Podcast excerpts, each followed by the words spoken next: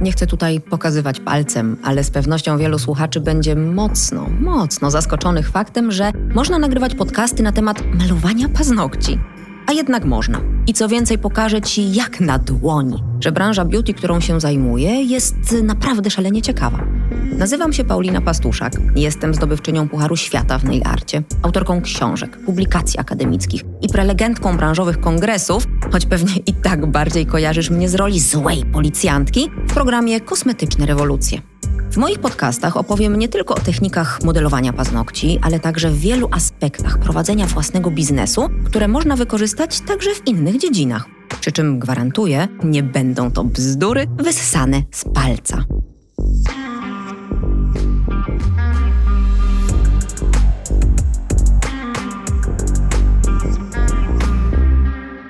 Szanowni słuchacze, i jeszcze jedna ważna kwestia. Wysłuchacie teraz fragmentu podcastu. Tak eksperymentalnie, bo całość materiału dostępna jest w mojej Akademii Online w formie płatnej. Jeśli więc zainteresują Was poruszane tutaj tematy, zapraszam bardzo serdecznie na www.vod.paulinapastuszak.pl i tam dosłownie w ułamku sekundy możecie uzyskać dostęp do całego odcinka. Zapraszam bardzo serdecznie. Grzech numer dwa czyli chciwość. Chciwość tutaj może mieć oczywiście bardzo różne oblicza. W przypadku prowadzenia działalności w dziedzinie, jaką jest branża beauty, chyba jednak sprowadziłabym ją przede wszystkim do oferowania produktów dużo gorszej jakości niż klient by oczekiwał, za cenę zupełnie nieadekwatną do tejże jakości. Wydaje mi się, że to ma sens tak żeby zarobić dużo, dużo, dużo, dużo, dużo, a jednocześnie nadmiernie się nie narobić. No oczywiście chcielibyśmy, żeby tak to wyglądało, ale tutaj pobudki mają znaczenie i sposób wykonania będzie kluczowy. A mówiąc konkretniej, przykre jest dla mnie to, Naprawdę przykre, że istnieje gro dziewczyn, które wydały w ostatnich latach no, ogrom, naprawdę ogrom środków na szkolenia, które pracują dobrymi produktami, dbają perfekcyjnie o higienę i wykonują prześliczne stylizacje, naprawdę przepiękne, a niestety syndrom oszusta sprawia, że cenią się bardzo nisko. I ich zabiegi kosztują 50, 60, o, niech będzie 70 zł. I to jest dla mnie dramat. Tymczasem na drugim biegunie są właścicielki salonów zaniedbanych, brudnych, takich, które zatrzymały się w rozwoju na etapie późnych lat 90., tam gdzie moczenie skórek, zakaz używania frezarki i klejenie tipsów jest cały czas na porządku dziennym. I tutaj naprawdę nie przesadzam. Znam wiele takich przypadków. I przykre jest to, że takie maszkary, takie zabiegi cały czas wyceniane są bardzo wysoko. 100, 150 nawet złotych, nie przesadzam. Niestety tak jest. Dlaczego? Co jest powodem takiego stanu rzeczy? No w tym drugim przypadku uważam, że no chciwość właśnie. No przepraszam, jeżeli brzmi to brutalnie, jeżeli ktoś poczuje się troszkę urażony, ale chyba ta chciwość będzie tutaj odpowiedzią, bo przede wszystkim o to chodzi, że nie do końca oferujemy taką usługę, do jakiej klientka przywykła, a cenimy ją o, solidnie. Natomiast nie zawsze. Okej, okay, umówmy się, nie zawsze tutaj typowa chciwość będzie winna. Czasem może to być po prostu brak umiejętności. Dobrze, wystawmy takie usprawiedliwienie dla niektórych stylistek. Natomiast ewidentnie nagminnie dostaję też informacje na Facebookach, na Instagramach, że właścicielki salonów nie chcą. Po prostu nie chcą szkolić swoich pracowników. Bazują na tych swoich starych, przebrzmiałych technikach pracy, skupiając się tylko i wyłącznie na tym tipsie, tipsie, kopytku, kopytku. Na zasadzie raz tips, zawsze tips. No i jakoś w ogóle nie biorą pod uwagę faktu, że branża idzie do przodu. Nie biorą pod uwagę faktu, że klientki oczekują coraz więcej. Jakoś w ogóle mają gdzieś, jakoś w ogóle mają w nosie, że dziewczyny oglądają Instagramy i widzą, i naprawdę widzą, jakie cuda można w tym momencie wyczarować na dłoniach. Do tego dochodzi niestety również oszczędzanie na materiałach. To jest klasyka gatunku, czyli na przykład pff, kiepskie hybrydy, które nawet przy trzech warstwach pozostawiają prześwity, czyli na przykład stępione frezy, które lata świetności mają już ho, ho, ho dawno za sobą. Szablony sprzed 10 lat, takie małe, złote, kwadratowe, prostokątne, przepraszam no nie no, kochani, na takim sprzęcie w tym momencie nie da się świadczyć usług o wysokim poziomie. Żeby wyjąć, trzeba włożyć. No, przepraszam, brzmi brutalnie, ale taka jest prawda. Ja wiem, że czasy są trudne, ja wiem, że kryzys, ja wiem, że pandemia, ale inwestycja w sprzęt i umiejętności, swoje albo pracownika, obojętne, to są absolutne podstawy. No bez tego ani rusz. Bo nawet jeżeli klient do Was jakimś cudem trafi, to sorry, ale po prostu już nie wróci, bo będzie rozczarowany. A tutaj w tym kontekście warto pamiętać, że zdobycie nowego klienta jest od dwóch do sześciu razy droższe niż utrzymanie stałego. I tak naprawdę mamy tylko tę jedną, jedyną szansę na zrobienie dobrego pierwszego wrażenia, więc błagam, nie marnujcie jej. Jeżeli przy pierwszym zabiegu wasza stylistka, zatrudniona przez was pracownica, zaleje klientce skórki rzadkim topem, przysmaży ją tanią frezarką, nałoży jej zjełczałą oliwkę, albo na skutek braku umiejętności trzy paznokcie odpadną po tygodniu, no to sorry, ale nie liczcie na to, że klientki będą szturmować wasz salon. Fajnie by było, ale to tak nie działa. I to był taki jeden ważny i podstawowy aspekt y, chciwości. Natomiast drugi dotyczy już y, stricte rozliczeń finansowych. Nie mówię tutaj oczywiście o kwestiach nagannych moralnie, czy wręcz o łamaniu prawa, bo zakładam, że takie sytuacje nie będą tutaj wchodzić w grę. Chodzi mi natomiast bardziej o budowanie relacji z klientem. Chodzi o zaufanie klienta do instytucji, jaką jest salon, oraz do konkretnego specjalisty, który dany konkretny zabieg będzie wykonywał. I teraz tutaj taki drobny wtrend, bo pewność siebie i asertywność są w biznesie cechami bardzo, bardzo, bardzo pożądanymi. Będziemy sobie o nich zresztą mówić jeszcze w innych podcastach, bo generalnie ich brak może być naprawdę morderczy dla właściciela salonu, ale kochani, z drugiej strony nie można przesadzać w drugą stronę. Bo co mnie straszliwie drażni, to obrazki, jakie bardzo często widuję w internecie. Czyli jest zdjęcie paznokci okraszone pytaniem stylistki. Zobaczcie, kochane, klientka złamała trzy paznokcie i domaga się darmowej naprawy. Co radzicie? I pod takim postem najczęściej pojawia się jakieś 500 komentarzy o następującej treści. I, i tutaj będą cytaty co to za naciągaczka z tej klientki, nie daj się, nie pozwalaj sobie, na pewno zgryzła, na pewno podważała, na pewno sama połamała i tak dalej, i tak dalej. I generalnie wszystko byłoby ok, gdyby nie fakt, że ja wchodzę na to zdjęcie, patrzę na nie i widzę jak byk, że te paznokcie są po prostu źle zrobione. Jest zero apeksu, przepiłowana linia boczna, jest dziura w miejscu łączenia z szablonem – więc kompletnie nie dziwi mnie fakt, że te paznokcie się połamały. No bardzo przepraszam, znowu po raz kolejny w tym podcaście. Ale tak jest. I tak naprawdę w takiej sytuacji zwykła ludzka moralność i odwaga cywilna nakazują przyznać się do błędu i taki zabieg poprawić. Za darmo. A nie wmawiać klientce, że to jej wina, bo wkładała paluchy gdzie nie trzeba. No, chyba, że generalnie ktoś połakomi się na te 15 zł zarobku z naprawy trzech paznokci, no to okej, okay, proszę bardzo, to jego broszka. Ale nie liczyłabym na to, że zaskarbi sobie dozgonną wdzięczność i lojalność takiej klientki. No nie, no w takie cuda to nie wierzę. I oczywiście, tutaj też, żeby być całkowicie szczerą i obiektywną, trzeba wspomnieć, że są też klientki naciągaczki. Ja wiem o tym doskonale. Ale tak jak mówię, obserwując zdjęcia publikowane na tych nieszczęsnych facebookowych grupach, mogę śmiało powiedzieć, że w większości przypadków, naprawdę w większości przypadków, wina leży po stronie stylistek, nie klientek. Sorry. Bolesna prawda, ale naprawdę tak to wygląda. Kolejny grzech, który sobie tutaj weźmiemy na tapet, to nieczystość. I będę brutalna, niestety, znowu, ale w kosmetycznych rewolucjach w TVN Style wszyscy tak naprawdę obserwatorzy mieli wątpliwą przyjemność oglądać, jak wyglądają kulisy funkcjonowania bardzo wielu salonów w Polsce, ale pewnie nie tylko w Polsce, więc tutaj pewne rozgrzeszenie niech będzie.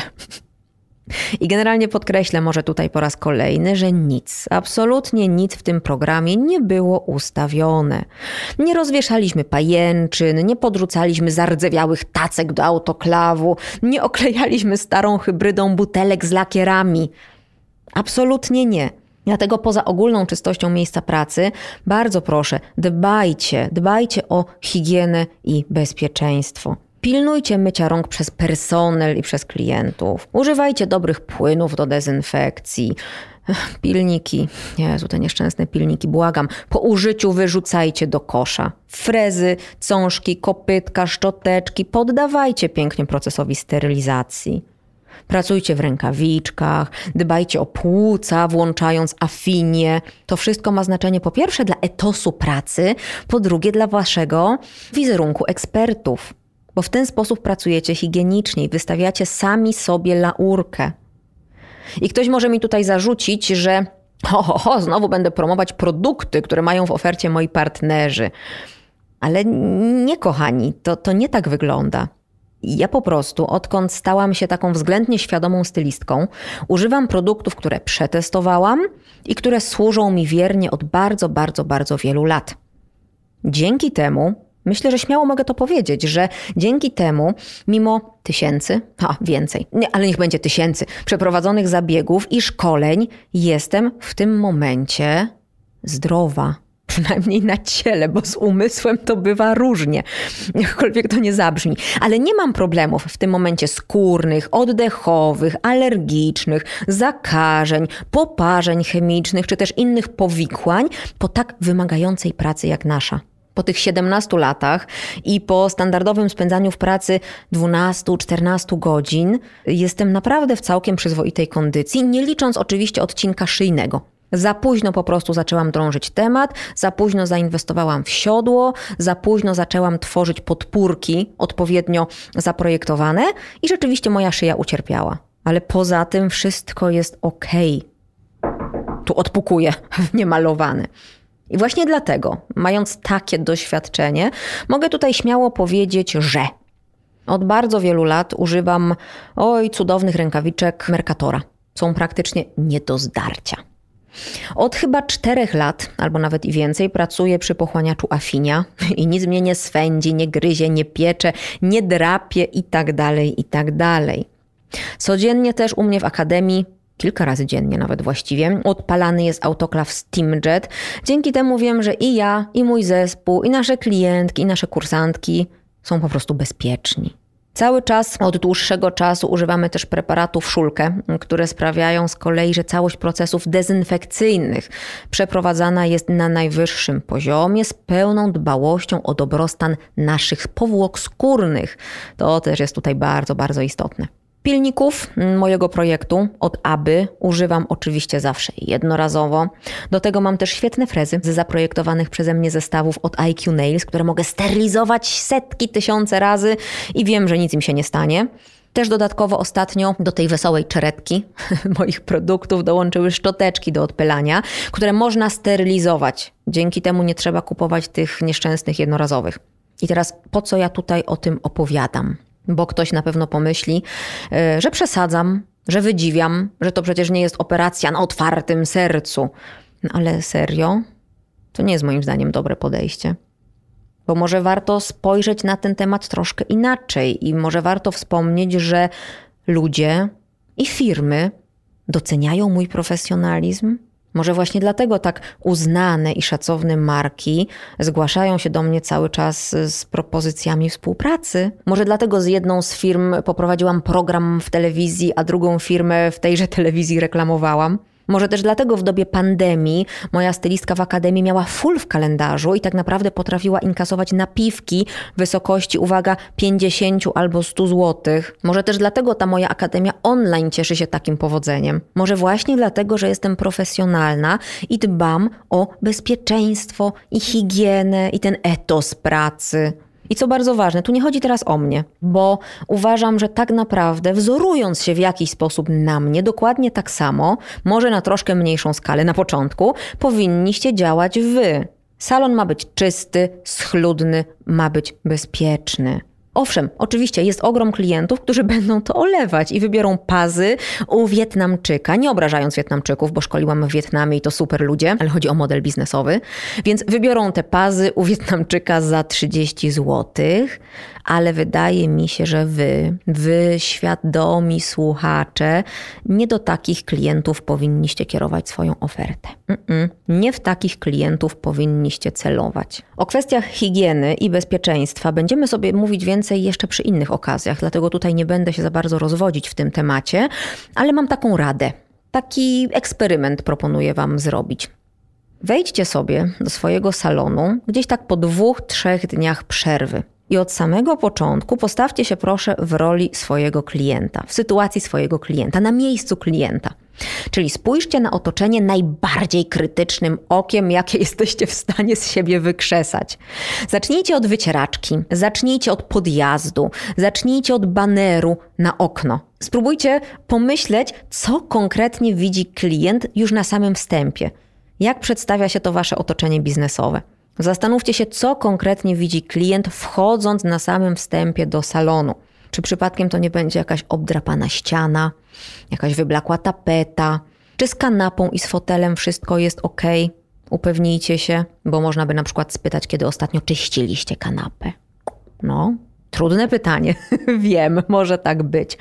Sprawdźcie koniecznie, jak często opróżniacie kosze na śmieci. Zobaczcie, czy wieszaki w szafie wyglądają dobrze. Sprawdźcie, czy nie ma pajęczyn w kątach. Upewnijcie się, jak wygląda szafka pod umywalką. Czy jest tam na pewno czyściuteńko, czy lśni niemalże no nie wiem, takich sytuacji, takich momentów, takich newralgicznych miejsc w salonie jest naprawdę bardzo dużo. I ważne jest, rzeczywiście ważne jest, żeby spojrzeć na to okiem klienta i dodatkowo na samym końcu, obowiązkowo usiądźcie przy stanowisku pracy na miejscu tego klienta właśnie i ocencie, czy to, co on przez dwie godziny będzie kontemplował, jest rzeczywiście atrakcyjne wizualnie czyste, schludne, atrakcyjne wizualnie, bo Wam się może wydawać, że wszystko jest ok, ale nowy klient może to odebrać zupełnie, zupełnie, zupełnie inaczej. Bo tak naprawdę weźcie pod uwagę, że to najpierw my tworzymy nawyki, a później nawyki tworzą nas. Dlatego też, jeżeli zaczniecie regularnie wymagać czystości od swoich pracowników, to wreszcie się nauczą przestrzegania tych podstawowych zasad. Przynajmniej większość z nich, bo no przyznam szczerze, że ja sama też miałam do czynienia z takimi flejtuszkami, które na blacie, na blacie kuchennym tuż obok siebie potrafiły rzucić i nadgryzione jabłko, i używane frezy. Serio. No na szczęście już u mnie nie pracują, więc problem rozwiązany, ale ta nieczystość naprawdę powinna być przez Was zweryfikowana, czy w Waszym salonie ewidentnie wszystko wygląda tak, jak być powinno. I w tym momencie pozwólcie, kochani, że przerwę nam te rozkoszne rozważania. Dalsza część materiału dostępna jest bowiem w mojej akademii online na www.vod.paulinapastuszak.pl. Bez obaw, spokojnie, proszę się nie martwić. To dosłownie kilka kliknięć traficie na pewno, bez większych problemów. Bardzo dziękuję, że jesteś tutaj ze mną. Daję sobie rękę uciąć, że znasz kogoś, kogo również zainteresują poruszane w tym podcaście tematy. Będzie mi bardzo, bardzo miło, jeśli podasz mu pomocną dłoń i udostępnisz ten odcinek. Po więcej nowinek z zakresu branży beauty i budowania własnego biznesu zapraszam do moich profili w serwisach takich jak YouTube, Facebook, Instagram, TikTok i LinkedIn. Zobacz też koniecznie ofertę mojej Akademii Online na www.paulinapastuszak.pl. Do wyboru, do koloru, każdy znajdzie coś dla siebie.